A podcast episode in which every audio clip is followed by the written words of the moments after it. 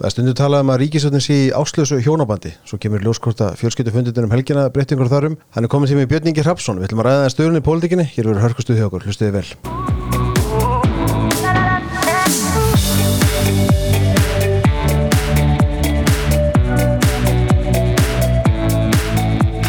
Björningi, velkomin.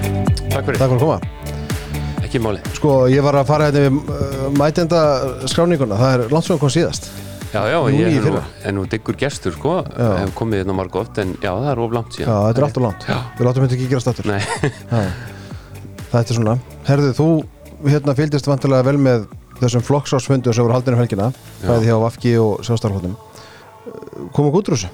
nei ekki, ekki nokkuð skapað hluti sínist mér Nei, Eh, Þá bara þakka fyrir kominu og ég held að klálega hafi tilgangurinn verið að sína bara eindrægni og samstöðu og, og hérna skilabóðin hjá þeim báðum Katrín og Bjarnar var að, að þau ætla bara að halda áfram. Mhm. um, það því er ekkert gefast upp. En það er svolítið til í því sem að Eirikur Bergmann stjórnmálafröfröður segir sko að, að þetta sé eins og fólk sem er búið að ákveða skilja hann ætla að búa saman. Nema það í því tilfelli er þá fólk búið að ákveða vantanlega einhverja svona reglur um samskipti og annað bara til þess að halda friðin en álíktanirnar frá þessum fundi og ummæli bara fólks síðustu daga benda til þess að, að fólkið ætla að halda fram að búa saman þó þessi búið ákveða að skilja og börnin verið þá að hlusta á heimilis rifrildi hvern einasta dag. Því, að, því að þetta fólk er ekki sammála um nokkuð skapaðan hlut. Svo getur veginn valið það að rífast ekki fyrir fram börnin að Já, já, en til. þau virðast greinilega ekki hafa tekið þann kostin og hérna og bara, þú veist eh, ef þú fylgist aðeins með og lest þessar álíktanir þá eru þessi flokkar augljóslega ekki sammála um nokkuð skapaðan hlut. En það sem meira er að þeir virðast sko ákveðnir í að sína það.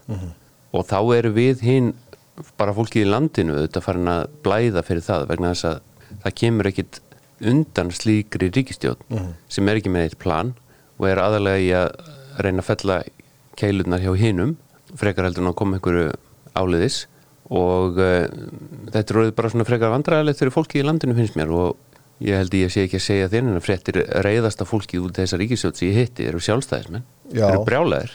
Það hefur verið aðeins, sko þú ert náttúrulega með hérna, þína fréttasöðu Viljan og, hérna, og þar hafa verið, þar hafa byrst greinar í sumar og núna um helgina þar sem að bæði fréttir og, og greinar þar sem er fjallað um þetta, þessa ónægu um, sko byrjum aðeins að, ef við römmum þetta sinn, svona þessi flokksásfundir þetta eru náttúrulega ekki landsfundir, þetta eru fund, bara upp, til upplýsingar fyrir hlustundur þetta eru fundir sem eru haldnir meðal trúnaðamanna flokkana uh, svona kannski til móts við landsfundi þá annarkvært ár sérska bát. Og þarna koma saman þá þeir sem eru í stjórnum og í þessum flokksráðum flokkana til að ræða og álíkta og, og vantarlega að taka einhverja ákvarðan ef, ef, ef að sopur undir.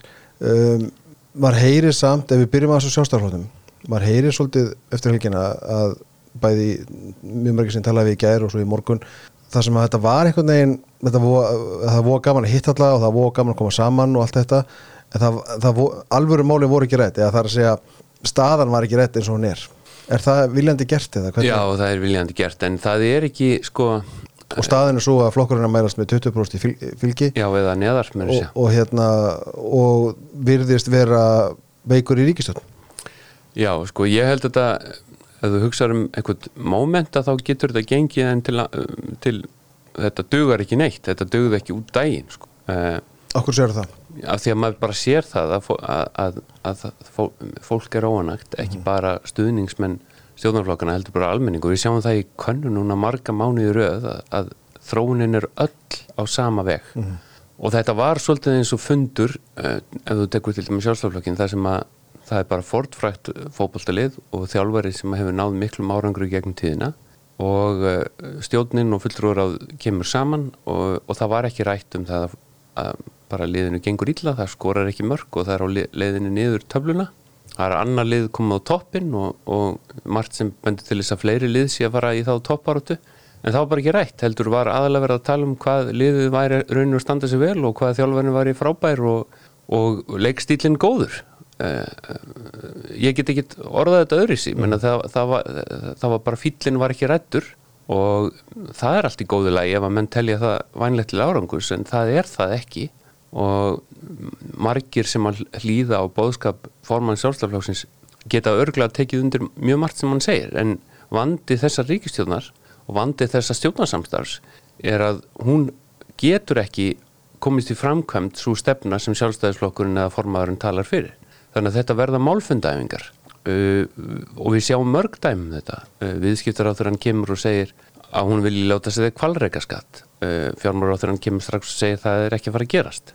Þetta eru ráþeirar í sömu ríkistjóninni og mm. þá er aftur svo vittna sér Bergman það sem hann talar um að það séu rauninni þrjá ríkistjónir það sem hver og einn er að tala einhvern veginn fyrir sínu en niðurstaðan þetta verður ekki nokkur skapaða lutur, mm. þetta verður bara einhver bastardur og á sama tíma eru þetta bara fólk að upplifa erfiða tíma, þetta er mjög skrítið, það er fullt af peningum í gangi í samfélaginu samt er dýrtíð, það komið fréttum ekki að verða á nöðsynni verðum að vera að hækka 40-80% á tveimur árum þegar laun hafa hækkað um 20% það gefur auga leið að það, þetta er áskrift að, að meira hattur óanægu mm -hmm. uh, og það er ekkert verið að tækla þetta.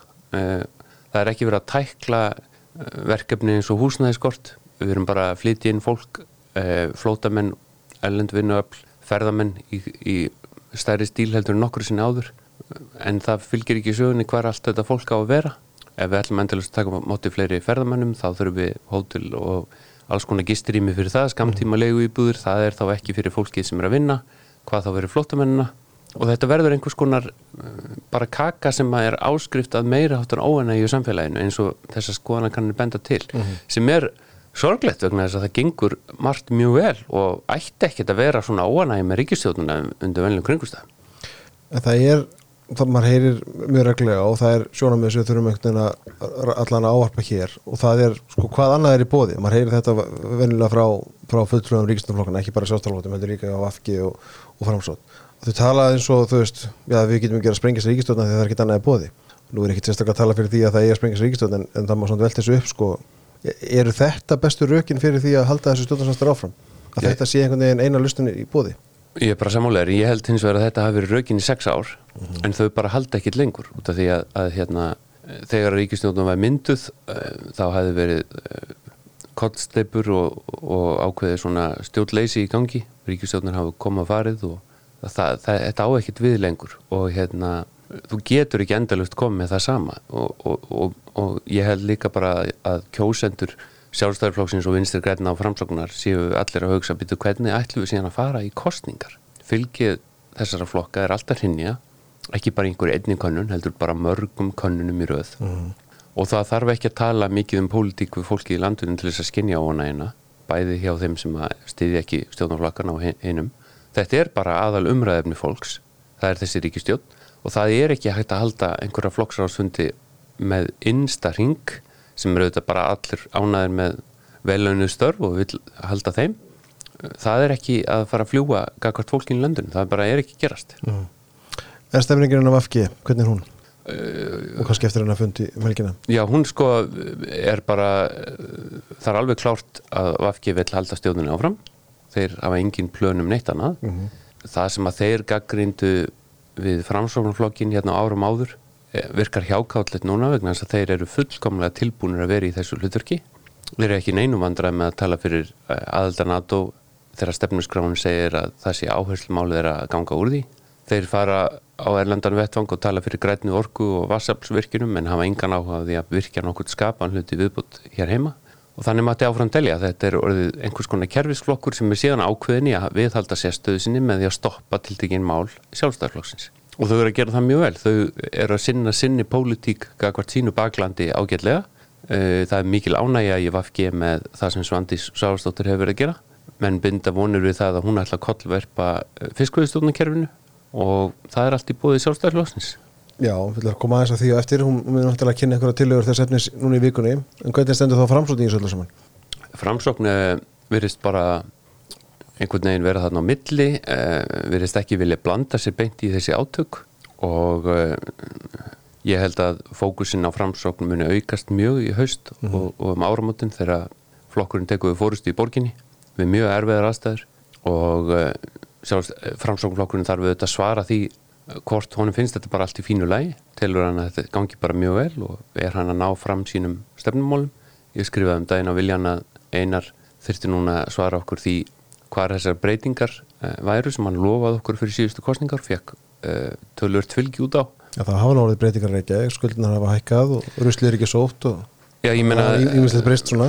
ég held að, að hver einasti maður sem sá þessar kostningaauðlýsingar hljóta að velta fyrir sér uh, hvenar þessar breytingar verða sem að hann lofaði og þær hafa ekki orðið, það er rétt. Og það er ekki góð umræði kringur Reykjavíkuborg og Reykjavíkuborg á við ímyndar uh, vanda að stríða. Og þó að það hefur alveg rétt hjá formann í sjálfstæðalflokksins að gera grína þeirri stöðu á, á flokksráðsfundurum að þá dugar þó að honum líka skamt á meðan staða flokksins uh, og, og ríkistjóðan er, er svo sem er umbyrðu einni. Já, við að koma að þess að betur að reykja okkur borga eftir. Marg sem við að eftir, þetta verður langur þáttur okkur.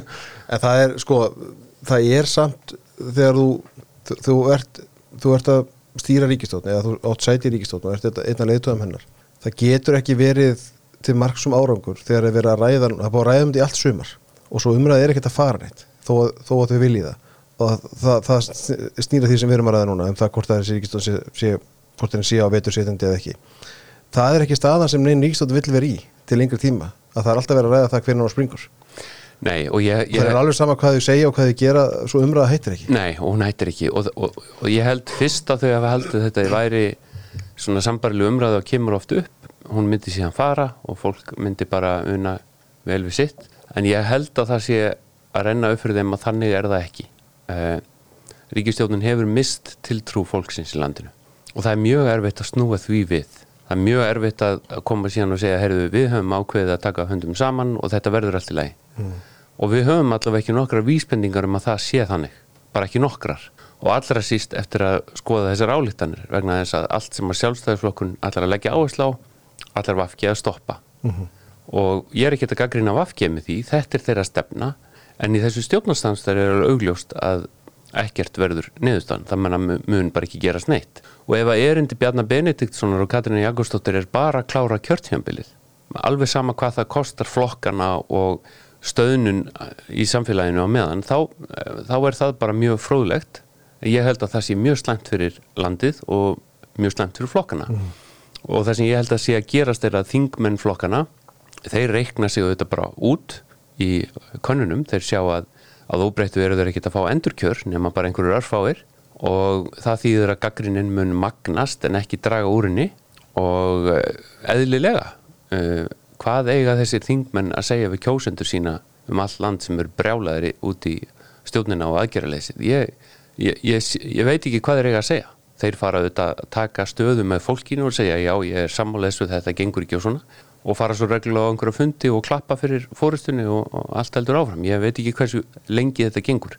Það er eitthvað sem segir mér að það sé að koma þessi áreikstur sem að Bjarni talaði um í viðtali við þig. Hann sagði að það væri ekki komin þessi harði áreikstur en mér finnst bara einfallega reynsla mín og eins að ég segi mér að það sé stutt í hann. Mm. Þú segir að, að Ríkistunum hefði mist tiltrú fólks í landinu sem er þetta svolítið stór orð. Og, hérna, og þá höfum alveg séð ríkistofnir eða, eða stjórnarflokka dala í fylgi í sinni stjórnartíð, við höfum alveg séð það áður. Og ég og þú sem er fyrst með pólitík lengi hérna, það er ekkit nýtt hverju, hvað er öðruvísi núna heldur en áður þegar, þegar ríkistofnarflokkar hafa mist fylgi yfir ákveðin tíma njóta óvinnselda því að þeir eru kannski að berjast í einhverjum óvinnselum málum svo hvernig ná þeir tökum á ástandunum samt?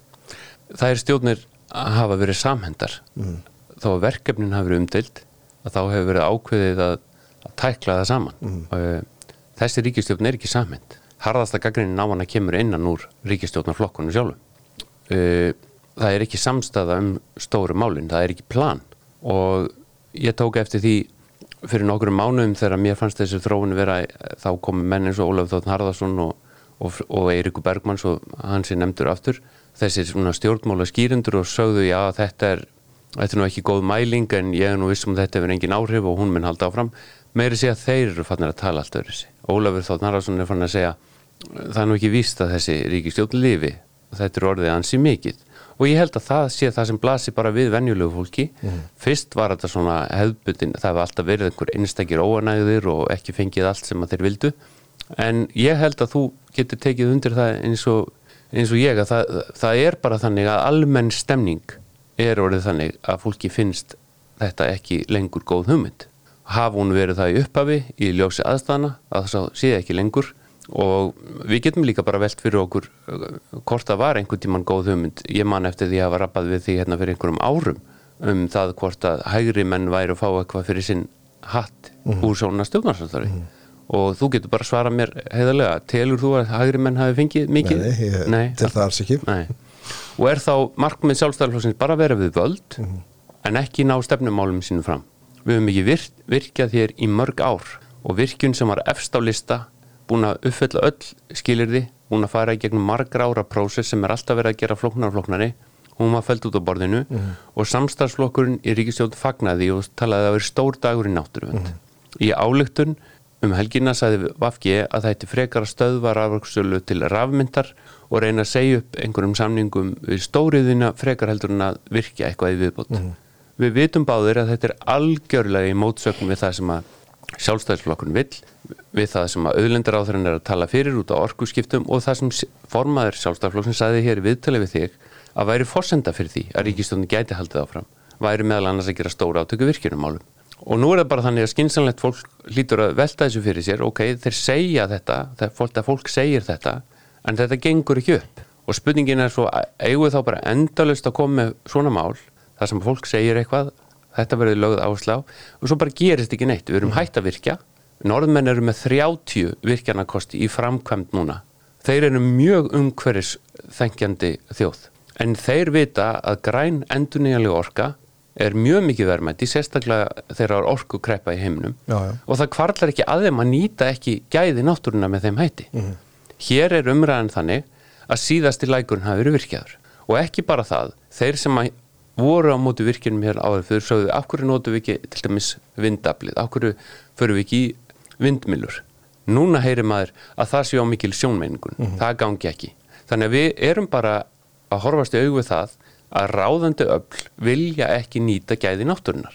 Það er ávísun á skerðingu lífskjara til framtíðar. Það er á, ávísun á verri samkeppnishefni þjóðarinnar, gafkvært öðrum þjóðum. Það hefur áhrif að það hvað fyrirtæki geta verið starfsmegi hérna og svo framvegis. Og þetta er í bóði sjálfstæðisflokksins gísli.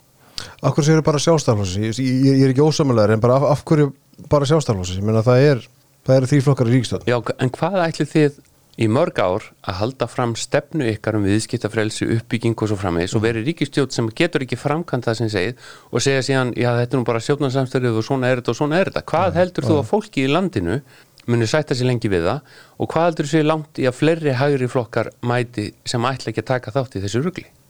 heldur að það sé á borðinu Ég, ég held að ef, að ef að þetta heldur áfram og niðurstaðan er alltaf að þetta gangi rosalega vel og það sé mjög mikið traust á milli fórustumanna flokkana sem er orðið einhver þreyttasta klísja sem umgetur, ég efast ekki og, eða nokkur held ég um að það sé traust á milli þeirra, en hvað?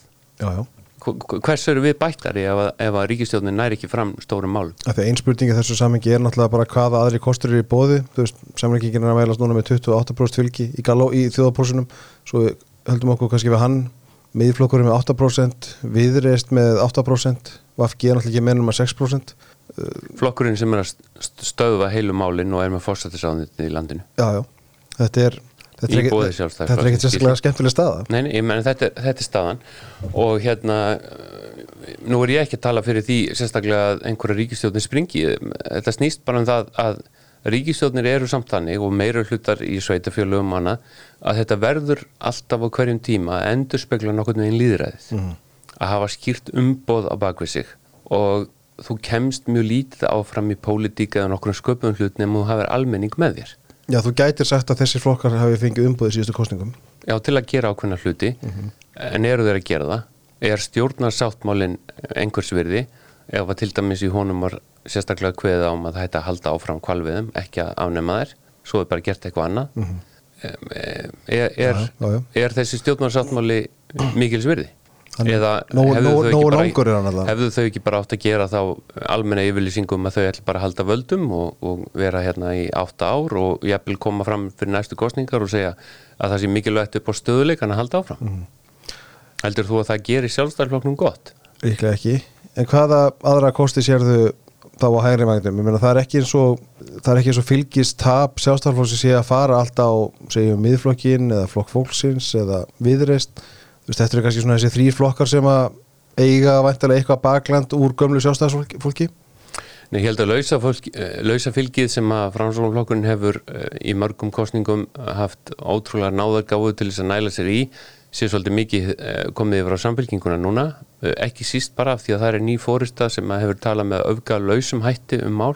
Ég veg aðtikli til dæmis á því að Kristún Frostadóttir hefur ekkit í málöfnum hælisleitunda tekið jafn stert til orða á Helga Val Helgadóttir gerir, hún gerir það bara með allt öðrum hætti.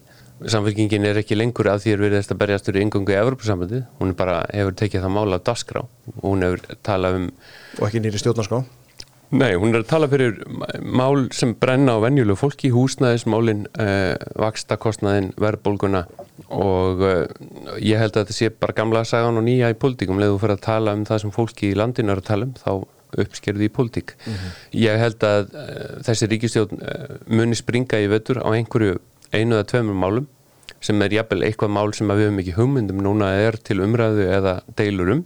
Eins og þú þekkir að þá geta uh, litlir steinar bara hérna, undið mjög upp á sig og á einhverju tíumpunkti er bara súrefnið búið hjá þeim sem alltaf að tala fyrir því að, að horfa í hináttina og halda áfram. Mm -hmm. Við nefndum hérna áðan uh, nýja fiskveið nýja, nýja stefni í sjávaröldsmálum hvað, ég spurði nú Bjarnaði hérna um daginn hversu mikið umbóð Svandis hefði til að gera mikla breytingar á fiskveiðstjórnunum kerfinu uh, það er þetta átt að segja því hva, hva, hvað hún kennst langt með það. Ég held hún komist ekki áfram með það. Ég held að þetta verði fyrst og fremst uh, Nú við búin að skipa þennan 40 manna starfsóp undir náttúrulega auðvendun okkar að uh, verja eða íða öllu heldur. Miklu fjármann í þetta og miklum tíma og hvað kemur svo ekki út úr í? Nei, en, en kannski er hún bara útbúið að sína sjálfstefnu til framtíðar og getur vísað í það að þetta hafa hún viljað að gera en ekki komist áfram með það mm -hmm. sem er aftur svona einhver ángi af þessum málfundaæfingum sem við horfum fram á.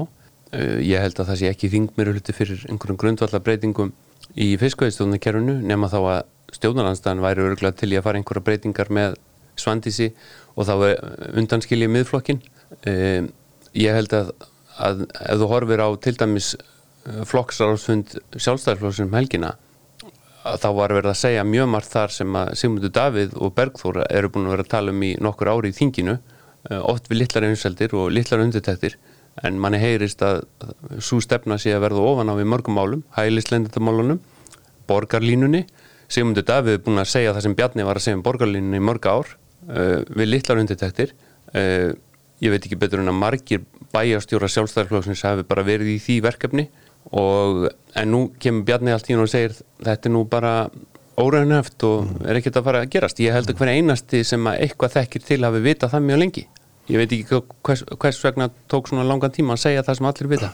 Já, já, það er hérna eru, eru Sigmundur og Berþór kannski samanska flokksins en auðvitað þingjast að segja það? Já, Sigmundur hefur nú beinleins talað þannig að hann sé hafi miklar ágjur af, af stefnu sjálfstæðarflokksins og, og En okkur er fylgið ekki að fara þá á miðflokkin? Ja, það er að fara að einhverju liti hann er, hérna, þeir voru bara komin í tvo menn og, og eru núna uh, svipaði eða stærri en framsóknflokkurinn og tölver stærri en, en Vafgi mm -hmm. eh, en ég veit ekki hversu raunhaft sko er að skoða þessar kannanir með til, tillit til þess hvert fylgið fer á endanum ef fólk væri stilt upp og segja það er að koma kostningar Nei, nei, áttam á því. Eh, Það er bara annað mál, eins og við sáum Eh, fyrir tveimur árum þegar ríkistjóðnum virtist vera að falla og undir lokin virtust bæði persónulegar vinsaldar Katrínar Jakobsdóttur. Fólki fannst hún ekki eiga skil eða fór skell eftir faraldurinn og hvernig eh, haldi var þar á málum. Og svo held ég að skilabúð Bjarnar Benediktssonar um að, að vinstri stjórn væri áhersin og verbulgu hafi hitt í mark sem að kemur mjög óvart núna þegar hann segir að ríkistjórnum hafi hitt að gera með uh, stjórn uh, ríkisfjármála þegar það kemur á verbulgunni það, það passar ekki við það sem hann sagði fyrir tveimur árum. Bara fyrst að nefna þetta, er eðlert að fjármálaður að sé að standi í einhverju, já ef ég má sletta þess bífi við selbakustur? Eh, það er ekki heppilegt. Eh, ég er svo sem aldrei þeirra skoðun er að, að ég vilji takmarka málfrælsi eins að en eins en það, það gerir sko í, í hagfræðin er að þannig Það stýst ekki um það, það stýst bara um það hvað er eðlert og hvað ekki. Já það er ekki heppilegt, mm -hmm. uh, klálega þeir sem að fara með stjórn peningamála þurfa allir að vera að róa í summa átt. Ef við erum að draga saman seglinn til að ná verbulgu niður þá þurfum við að gera það. Að mínum að þetta hefur þá fyrir lungu átt að segja við þjóðina, við þurfum að skera hérna niður við þurfum að fækka starfsmönu ríkisins við þurfum að fresta tilteknum framkvæmdum. Þetta verður erfitt í svolítinn tíma svo ná við verbulgun niður og vaksastíginu og þá verður lífið einfaldara það er staðan. En af því að ríkistjórnin er eins og hún er að þá er ekki hægt að taka þetta samtal. Uh, þau bara halda sínu striki, Sigur Ringi heldur hvernig glæru fundin á fætur öðrum um miljardatuga framkvæmdir og við heyrðum hann ekkert og... blása borgarlínuna hann er bara flegi ferði að gera allt mögulegt en fjármálar þegar hann segir það er ekki til peningur fyrir þessu. Við erum ekki að fara að gera þetta. Fyrir utan eins og við sjáum núna með stækkun og endur nýjum landsbytalans við sjáum að þær áallanir eru allar fallnar út í buskandir allt miklu miklu dýrara eins og gerist með ofnbæra framkvæmdir.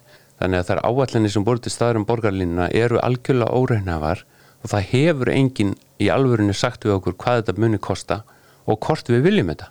Og það er bara staðan. Í þessu öllu saman þá er, þetta snýst allt um það hvernig þú klukkar eða hvernig þú talar við venulegt fólk.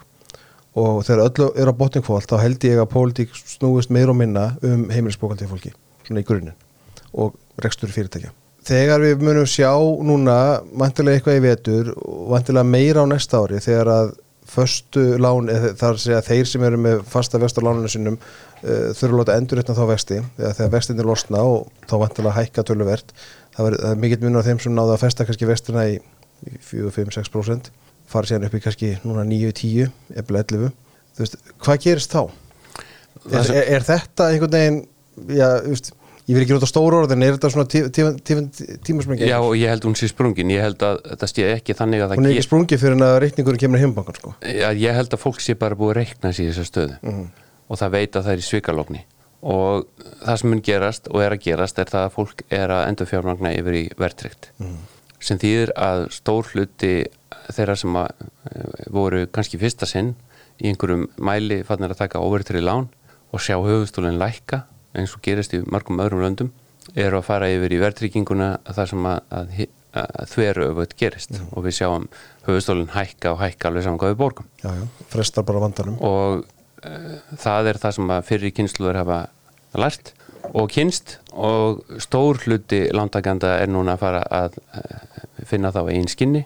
Og þetta er það sem gerist við þessar aðstæður. Uh, krónan missir verðgildi sitt. Við munum sjá á næstu 2-3 árum venjulegar íbúðir kosta 120-150 miljónir sem er út af því að 120-150 miljónir er ekki það sama og það var fyrir 5 og 10 árum. Og þetta er mjög óheppilegt fyrir okkur sem land. Og mann maður þá eftir því þegar 2-0 voru tekin af krónun hérna í kringu 1980 Vi, við missum verðskinnið. Hlutinir bara hækka og hækka eins og þessi könnun í, gæri síndi að, að, að það er það er rauninni fáránleg staða að verða á nöðsýn að verum að hækka um 50 til 80% á tveimur árum. Mhm. Já, já, Það er ótrúleg breyting. og ég held að flest heimili finni fyrir því en þau ráða við það í byli og spurningin minn er rauninni hvað gerist þegar þú ræður ekki við útgjöldin lengur það er að segja þegar húsnæðisláni hækkar það mikið þú veist, þú ræður alveg við dýrara mat og bensín nokkra mánuði, flestir þú veist, ég er ekki ekki að líti úr því en flestir ráða við það einhver liti og flestir geta aðlaga sig að hækkandi verðlagi yfir einhvern ákveðin tíma. En svo kemur kannski skellur. Og ég er, ég er, svona, ég er svona að fiska hjá okkur veist, hvað gerist í pólitísku ástandi þegar að, í, í pólitísku stöðu þegar að það ástand kemur. Já, það fólk fær nóg og, og ég held það sem ég hef haft áhyggjur af í langan tíma er það að þetta andvaraleysi hægri aflana meðal annars í þessu ríkistjórnarsamstöri gerir það verkum við fáum með okkur yfir vinstri stjórn næst.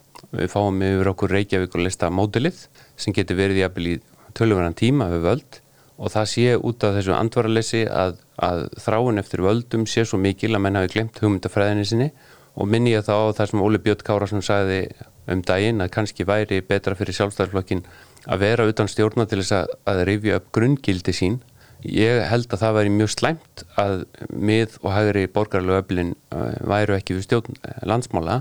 En menn verða þá að muna eftir stefnunni sinni, menn verða að tala fyrir sannfæringu sinni og ég held að það sé meiri eftirspöld núna eftir fólki eins og Sigmundi Davíð, Brynjar Níelsinni, Sigriði Andersen Jóni Gunnarsinni og slíku fólki Kristrúnu Frostadóttur þá. Bara fólki sem er að tala fyrir einhverju máli og fólk var að tilfinninguna að það meini það sem það segi og minni eftir stjórnmálumönnum sem þú hefur ekki hugmynd um hvar standa í raun og veru og eru til í að taka þátt í alls konar samstarfi þvert á það sem að þau, þeim finnst.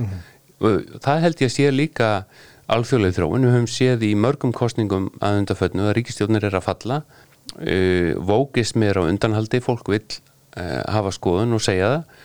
Og fólk er orðið þreytt á þeim sem eru búin að vera að segja nei þið megi ekki hafa þessa skoðun, þetta er raung skoðun og þið hafið ekki rétt á að, haldinu fram. Það, það er ekki að gera sér lengur.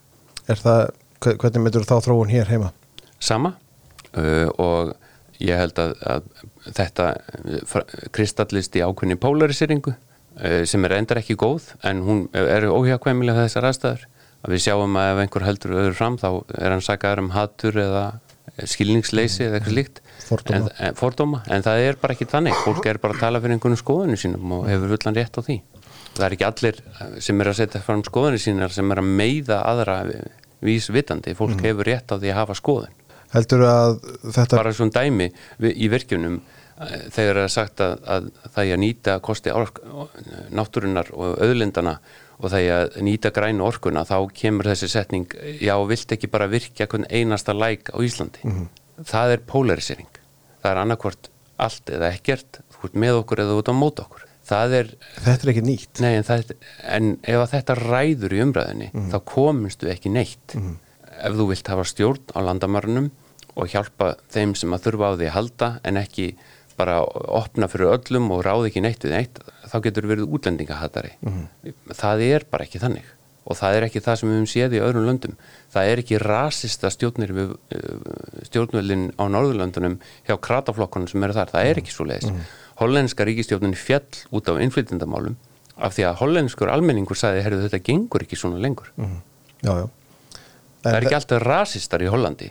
Muna, það, fólk verður að tala um þetta einhverju skinnsemi sko. Já, já, eins og þú nefnir réttilega, ég meina krataflokkarnir á Norrlöndunum hafa tekið mjög upp, upp mjög, eða breytt síni stefni í þessum málum á undarförðum árum.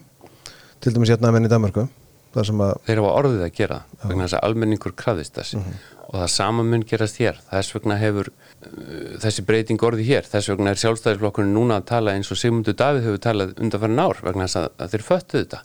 Ásmundur Friðriksson var að tala svona uh, og hann fekk sko skammir meðal hans frá Áslöfu Örnu sem sagðist ekki vilja sko hún sagði nánast hún vildi ekki vera í sama flokki og maður sem talaði með þessum hætti. Nú er hún farin að tala eins og Ásmundur. Já, er það sami tótn og hann var með? Efnislegra sami tótn og svo auðvitað ræður hver sínum stíl. En ásmundur var að tala um að fólk í sinni heimabyggð hefði áhyggjur á stöðum mála.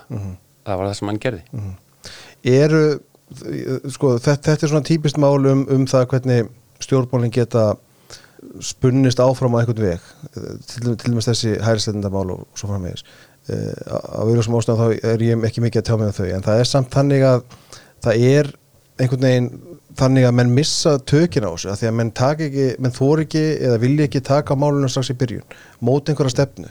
Uh, við hefum ekki verið með alveg stefni í þessum málum til dæmis í 10-20 ár þetta er rosalega mikið svona kert áfram á tilfinningum, þar á meðal löggefin líka, löggefin breytist mjög mikið eftir árum og svo framvegis. Eru þetta, er, er, er, þetta verkefni sem er bara stjórnmálumennum ofviða, má, má spyrja því?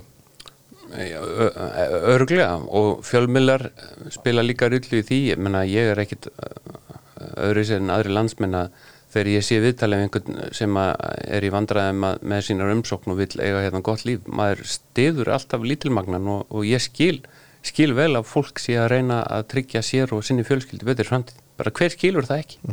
Þannig að ef þetta er alltaf smætta niður í slíkar einstaklingssögur þá eh, hef ég fullan skilning á því. En við sem þjóð hlutum, hljótum að þurfa að hafa eitthvað plan og við sjáum bara að við erum að fara hérna yfir 400.000 á, á stuttum tíma það er alveg klárt að við verðum orðin hálf miljón áður en mörg ár líða með þessa þróun. Og ef það er rétt sem að sagt er að, að fyrir hvern einn Íslendingur sem fæðist að þá komi hérna 15 útlendingar þá verður þetta ekkit lengi að breytast. Og það getur sko verið allt í lagi. Ef að það er stefnan og ef það er planið og þjóðin er sammálum það þá er það bara allt í lagi. En er ekki allt í lagi að ræða það? Jú, jú, og er ekki allt í lagi að ræða til dæmis hvort við ráðum við það? Ef- ég veit ekki betur heldur en gamla fólkið okkar fá ekki heilbyrðistjónustu það er fær ekki á hjúgrunheimilum Uh, það veit allir hver staðan er á, á bráða uh, móttökunni á landsbítalunum megum við ekki ræða neitt af þessu? Er það allt rasistatal? Það verður að tala um hlutina skynsemi. Ef að 350.000 ma manna þjóður ég ekki við að halda út í sæmilu heilbyrðiskerfi og að tryggja öldruðum áhyggjulöst æfikvöld munum við þá ráða betur við það með því að fylla landið af tugum þúsunda í viðbót án þess að stækka innviðina og án þess að gera einhver, einhverja áætlinir í samræmi með það, nei ég held ekki. Og þegar kemur til dæmis að þessum málum að þá hefur að stærstum hluta verið unnið eftir þrá eftir pólitískum friði. Hanna Byrna sem var innanríkisráð þegar sjálfstæðarflokksins skipaði þver pólitíska nefnd undir fórustu Óttars Proppe mm -hmm. til að endur skoða útlendingamálin og hún skilaði tilugum sem að unniður eftir það gerði það verkum kannski bæði út af þeirri lögjöf og þeim úrskurðanemdum sem að urðu til að við erum með miklu mildari lögjöf heldur en nágrann á löndin og þess vegna höfum við fengið miklu stríðari ströym af inflytundum, svolítið sambarlegt á þjóðverjar hlutvarslega. Það er bara sem að er niðurstað af stefnumörkun sem var ákveðin og ef við viljum breyta henni eins og mér heyrist að margir vilji núna þá þurfum við að ræða það og takast á um það og það er það sem við erum að gera ekki stjórnmálun, ekki nema taparkuleiti Nei, en, en ég held að almenningur taki þá völdin af stjórnmálunum uh mhm. -huh. og það hefur gerst í öðrum löndum þar sem ríkistjórnir falla eh, með miklum kvelli af því að ríkistjórnirnar er að tala svolítið eins og við erum að tala um þess að flokksarfundi það er ekki verið að ræða brínustum málinn það er verið að tala um eitthvað allt annað uh mhm. Já, já, það er búið að setja svolítið línuna yfir mál sem á að ræða láftlagsmál, kynrand sjálfræði alls konar svona mál með einhverjum merkimiðum uh, en þegar að þú ferðum landið og tala um vennilegt fólk þá er það ekki að tala um þessi mál mm -hmm. Og þetta eiga stjórnmálmenn að vita þeir, þeir fara líka á landið, þeir fara í ringferðir og þeir tala við aðtunreikandur og fólk sem er að reyka lítir og stór fyrirtæki og allt þetta fólk sem er á hverjum degi að reyna bara fara í getnum daginn sko, dugur til vinnunni og sinna bönnunum sínum og allt þetta þannig að það er rosa skrítið ef að stjórnmálmenn alltaf veri tíkastur í tengslum við fólk í landinu og tala sér ekki um það sem fólk er að tala um. Nei og það, það er áskrift að, að áreikstri um, það er bara spurning hvernig hann verður það, það er bara þannig. Eru við of neikvæðir hérna? Uh, nei, nei, ég menna að mörguleiti gengur margt vel, mm -hmm. en við vitum samt að það er eitthvað í svo dæmi sem gengur ekki upp við vitum að þeir sem er að reyka fyrirtæki segja að það sé allt þingra í vöfum um, Ríkistjónin er meðlans að fara að hækka tekjuskatt fyrirtækja mm -hmm. uh, á næsta ári segir að það sé tímabundið og ég held að Ronald Reagan sem sagði að það var ekkit sem væri varanlegt eins og tímabundi skattar. Ja, Bjarni sagði sko í viðtali í dagmálum í morgunblána fyrst að það var 100% að þessi skattur eru feldir niður eh, þar sé eftir þetta eina ár og ég vona það sé rétt en það er samt sko þetta er einmitt svona gott dæmi veist, það, það er búin til einhver fjár, fjármála áallin og það er ákveðið að sem er viðbröðið einhverju verðbóku að hækka tekið skatta fyrir ekki eitt ár sem er bara einhver svona síndarmennska Þetta er einhvern veginn, uh, til hvers, er þetta til að sætta einhver ólík sjónamið? Já, þetta var að kröfu vinsturgræna, svo getur verið komið nýríkistjón, uh, hún mun þá halda skattahekkuninni og vísa til þess að þetta hefur verið ákveði fjármála ráð þeirra tíð Bjarnar Benediktssonar. Þetta þekkjum við um bankaskattin á sínum tíma og svo framvegs. Það sem ég er að segja er það að við erum ekki að gera þeim sem er að reyka fyrirtæki lífið öldra, við erum sannarlega ekki að gera fólkin í landinu sem er að reyka eh, sína heimili og sína fjölskyldur, lífið og öldra og það er eitthvað í þessu dæmi sem gengur ekki upp. Til dæmis eh, eru núna fréttur um að sé verið að draga mjög úr uppbyggingu íbúða mm. sem er þvert á það sem var búið ákveð að gera sem var að stór, stóra auka byggingu íbúða mm. vegna þess að það blasir við gríðalur húsnæðiskortur. Það sem erum að sjá er að það, fólk er að leiði út herbergi inn á heimilum sínum, það er verið að breyta mörgum íbúðum í herbergi leigur, e, fólk er að reyna að bjarga sér e, það er miklu minnu umræða um eldsúan í hafnaferði um daginn þar sem fólk býrið inn á húsnaði heldur en áður. Það er út af því að fólk veit að einhvers þar verða allir þessir íbúar að búa mm. og hérna ef það ekki verið á gödunni og það er eitthvað í þessu dæmi sem gengur ekki alminlega upp og auðvita á að byggja miklu meira og en það er erfitt í þessu vaksta ásnandi nema þá að ríkið og umbyrjaðilar ákveði að gera eitthvað sérstatt átaki því. Það myndi líka koma til móts við vinnmarkaðin og ef við tökum til dæmis verkefælisfórastunum sem við höfum stundur rættið sem þáttum e, og ekkit alltaf verið hrifin á öllu því sem að Solveig, Anna eða Ragnar. En ef maður setur sér þeirra spór hvað eiga þau annað í haust og vetur að gera heldur en að krefjast þess að laun muni hækka í samræmi við það hvernig verðlagstróun hefur verið? Mm. hvað eiga þau að gera annað? Eiga þau að gera það sem ásker segir að þau eigi að fara fram á hóflegar hækkanir langt innan við verðbólguna og fara svo og kynna það fyrir umbjóndu sínum það er ekki að fara að gerast. Þannig að á meðan að fjármálaráþurann segir að, að þetta sé ekki að borði ríkistjóðuninnar þá er þetta bara borði sælubankan, hann getur ekkit annað gert heldur en að hækka vexti sérstaklega ef að ríkisfjármálinn takk ekki með af þessu. Og þá mun verkefælisreifingin segja herru við getum ekki samið þessar aðstæður nema um einhverja stórkostlar hækkanir sem eru samt eins og kannuninni gær leitiljós 20% á tveimur árum er mjög mikla launahækkanir Já, já. í öllum samanbyrði mjög mikla launahækkanir Og og, örgla umfram framleiðinni og svo já. en þegar þú setur það í samhengi við hækkandi íbúðverð, mm. vakstastíð og en verð á nöðsynjum að hækka um 50 til 80% er það þá mikla hækkanir? Er þetta ekki dæmi sem er í rauninni ekki að ganga upp og erum við þá of neikvæðir, Gísli? Nei, nei, og þarna erum við bara aftur komin í heimilsbókaldi sem ég rétt á það, sem er alveg rétt. En þetta verður mjög, það er allan að mjög skröldlegur vetur framundan myndi ég halda í pólitíkinni. Við höfum eftir að sjá hvernig fjárlögin líti út, við höfum eftir að sjá hvernig átökin verða millir stjórnarflokkana í gerð þeirra og eins á þinginu. Ég menna ég gerir ráð fyrir því að samfélgingin mæti svona nokkuð öflug kannski inn í þingið í haust um, með það fylgið sem þau eru með núna. Þau eru samt bara með sex þingmenn og mjög, mjög, hvað ég segja, það er ekki mjög mikil samstæðin að þingflokksins þeirra. Þau hafa samt algjörlega haft vita á því að koma saminuð fram Já, já. og uh, í þinginu sko samfélgingin er ekki að gera mjög mörg mistök þessa dagana. Nei, nei, það er verður að segja og er. uh, Tekur því að ræða viðrest Stöðun á þeirra Já, uh, viðreist ná mikið inni, hefði maður haldið uh, með að við það að vera um, sko, ef að viðreist segir okkur hvaða flokkur hún vil vera ætlar hún að vera með hægri flokkur ætlar hún að vera hægri flokkur valkostur við sjálfstæðarflokkin eins og hún var þegar hún var stopnuð Já, Þorstið Vílason sagði hann að þið fæst og langt í vinstri. Ég held að það geti eiginlega engin mótmælt því. Mhm. uh, ef að það var ef að það var eh, meðvituð ákvörðun til þess að reyna að auka möguleika á ríkistundarsamstarfi þá er það bara allt í lagi þá eigum við bara að segja það.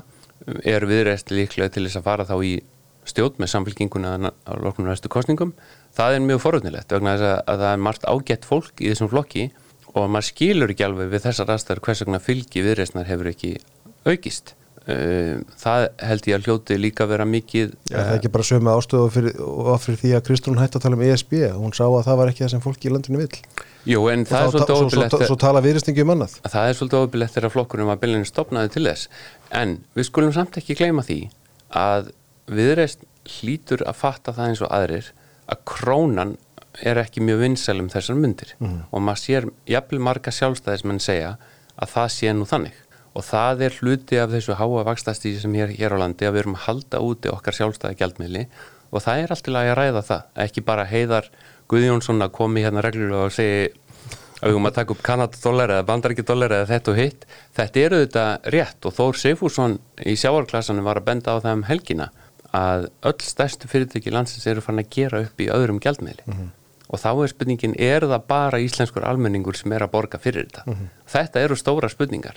Og ég held að þetta sé alveg hægt að ræða jafnvel þó að þjóðin vil ekki gangi í Evrópusambandi um, það er bara greinilega allt og stórt mál og Evrópusambandi er í uh, mikill krísu að mjög mörgu leiti en gjaldmiðilsmálin er ekkert að fara frá okkur. Uh, ef að fólk finnur fyrir þessu eins og þú ert að segja mun finna fyrir því mjög á næstu mánuðum uh, hvað það er að blæða fyrir þetta að þá verður mikið rætt um krónuna Já, já, og viðreist um, hlýtur að geta nýtt sér það með einhverjum hætti, ég bara trú ekki öðru. Ég ég ætla aðeins að færa, færa hérna, vinda hvaðir okkur í kross, við ætlum að tala áfram um pólitík en ég ætla að gera það hérna undir merkjum svona, við ætlum að kíkja þess á það sem ég kalla kaffihúsið. Þá hérna kveiki ég hér á letri kaffihús og tónlist. Við kíkjum á kaffihús og við skoðum þetta er að maður fyrir á kaffihús. Og hittur ykkur svo þekkir og þú, þú, ég veit að þú lendur oft í þessu fær spurningar um, um pólitíkina og allt þetta hvernig staðan er, þannig að nú ætla ég að dempa þig nokkrum spurningum sem að ég er ekki búin að undirbúa. Og ætla að skjóta með og koma þér að svo óvart bara. Sjá hvernig þú brestið Fyrsta spurningin er, þú ert ekki búin að samþykja þetta en það er alltaf ég keri bara áfram. Umæli Kára Stefánsson er um bólusetningar. Um, Það sem að sagði um daginn að hann eftir að haukja það hann líklega ekki látið fólk undir 50 Já, en svo daginn eftir skrifa hann langa grein þar sem hann bara umæli sín tilbaka. Ég Já. held að þetta sé svolítið þannig. Ég held að það sé bara að skipta skoðanur um þetta og ég held að við hljótum hafa lært mjög mikið á viðbröðum okkar og ég hef nokkuð vissum að það kæmi upp segjum að það komi upp núna í vettur eh, annar faraldur eða en eitt afbreyð af þessu þá held ég að munum ekki bregðast eh, nándar næri harkalega við eins og við gerðum á sín tíma. Heldur ekki? Nei, Nei, ok. Ég mun allavega ekki tala fyrir við gerum það ef það var spurningi Við fáum okkur annan tebólla hérna, eða kaffibólla hjá T og Kaffi. Uh, Hversu slæm er staða Einars Þorsteinssonar? um, hún er ekki hún, hún er bara eitt stort spurningamerki. Kannski er hann að undirbúa sig eh, kannski er hann með alls konar plön en hann hlýtur sem velgefin maður átt að segja á því að, hann er annarkvort í einhverju stórkvæsleiri gildru eða þetta er einstaktt tækifæri sem hann er búin að undirbúa sig vel fyrir að, að, blómstra í. Ég er mjög spenntur að sjá niðurstöðuna en þetta lítur ekki sérstaklega vel út. Nei, hann lætur ekki ná í sig helst við fjölmjölum Nei, en ég held að, að, að það mun ekki döga fyrir hann þegar hann er borgasturinn Það dugi fyrir dag. Já, en dagur er með allt kerfið í ráðhúsinu með sér. Mhm. og það er eitt af því sem að einar á eftir að finna. Það er það að þegar hann er tekinn við þá byrjar, byrjar samfélkinga á fólki að, að tala um það hvað dagur hafa nú verið mikilhægur borgarstjóri og, hvað þessi mikil eftirsjá í honum. Og eh, helstu embættismennir er allt meira og minna fólk sem að dagur réði eða er orðin vinur. Og einar er, er aðkomumarinn í hópnum Hver mun taka við þegar að Katrín, Bjarni og Sigur Ingi hætta? Það er mjög spennandi. Ég held að Svandi sé framtíða fórstum að VFG ef hún hefur áhuga á því. Þau eru náttúrulega algjörlega gagslösan varaformann Vafki það eru þín orð ekki mín Já, ég ég, tel ég, ekki ég, að ég skal segja það bara ég er almennt ekki þeirra skoðunar en nokkur manneski að sé gagslaus uh, ég held að þetta sé fýtt maður uh, Það eh, ég ekki um, það er bara gagslös í pólitík En ok, spurningin er á þér. Ég held að Lili Alfredsdóttir tæki við framsóknfloknum fyrir nokkru mánuðum hefði ég sagt eins og örglega allir að ásmundur sé að væri að fara að gera það en, en síðan verðist hann bara einhvern veginn hafa dreysið í hlýja hann verður að skýra hvers vegna hann hefur gert það en, en hann verðist ekkit lengur vera í myndinni. Hann verður reyndar áður komið tilbaka með miklu glæsibræð en eins og staðan er núna þá verðist það vera Lilja. Varðandi sjálfstæðarflokkin þá er það miklu meira spurningamerki og margir sem að held ég að sé að máta sig við þann stól ég held að tímabundi gætu aðrir tekið við heldur en verði framtíðar fórustum menn en ég held að menn eins og Elliði Vignesson, Haldur Benjamin Áslöð Arna, Þórdís Kolbrún uh, séu að velta fyrir sér sinni stöðu þessu sambandi til framtíðar. Mm. Og ætlaði eftir að taka við vantulega Einhverja nefnt Heirun Lind kannski? Heiður og Lind, já ég held að það séu uh, þetta er allt fólk sem er hæft í alls konar embætti, ekki spurning en hvort það hefur fylgi til þessar allt annar mál Ég held að sjálfstæðarflokkurinn hefði svolítið gott að því Já, ég held að sjálfstæðarflokkurinn hefði svolítið gott að því að fá aftur um, um, Davíð Oddsson að þýleitum til að hann kom ekki úr einhverjum uh, valdakjarna, hann kom ekki úr einhverjum uh, fjölskyldum, hann var ekki með blátt blóð ef við tökum sem dæmi Ellið og Haldur Benjamin. Þetta eru bara menn sem að hérna, koma frá venjulegum heimilum og, og hafa bara þurft að hafa fyrir hlutunum sko. Já, já Já, ég heldur að Þórdís Áslöð hafa nú gert það líka. Já, já, en, en þú skilur hvað ég á við. Já, já. Eh, Davíð, Davíð var sko heilmikil breyting í sín tíma uh, frá Geir Hallgrímsinni og, Mhm. og slíku sko. Það, það var bara bylting sko. Já, já. Loka spurning. Björn Ingi Hrapsson, allar hann aftur í pólitík? Uh, maður á aldrei segja aldrei en það er ekki planið, nei. Langar það ekkit? stundum uh, og svo koma fréttur um pólitík sem gera það verkum með langar alls ekki Eins og hvað? nei, nei, eh, hérna, Þetta er sko, ég, ég, ég, ég hef oftur spurður sko með, með pólitíkina og ég segi alltaf sko, þetta er ekki Þetta er ekki bakteri, þetta er vírus, maður losnar ekki við þetta nei, eh, sko, það er sannlega þannig en ég var eiginlega búin að lofa fjölskyldinu minni að fara aldrei aftur í pólitík Já, ok en með því að fjalla um pólitík, tala um pólitík uh, þá getur maður gert þetta án þess að Já. Þurfa sjálfur alltaf að vera í skotlíninu Við getum setið hérna algjör ábyrra lausir og bladra og það bladra er mjög fínt sko. Já, já, hvað er síðan framöndan hjá þér í voru þetta virkilega erfiðu spurningarna? Nei, þetta var svona bara Ég sagði aldrei er erfiðar, ég sagði bara er óvendar það sem, það sem er framöndan er bara að fylgjast með döðastir í þessar ríkistjóðanar og, og, og hún getur vel haldið áfram ef að það er bara niðurstaðan en, en það mun bara enda á einn veg. Já, og ef ég veri fórustumennir eða einstakir á þeirra þá myndi ég miklu frekar vilja hætta við aðrar aðstæður heldur en að vera nánast bara borin út sko á endanum. þetta, er, þetta er topp fólk fórustumenn ríkistjóðanar og ég hef ekkert nema gott um það að segja. Ég held að þau fatti þetta alveg eins og við. Já, já þau kunna lesa pólitík. Uh, ég held að sumir að það sé rétt sem sumir hafa satt að sé ekki hægt að hætta og ekki hægt að held að halda áfram og það er ekkit góð stað sko. Það er Björn Ingi, takk fyrir komuna. Gaman að mig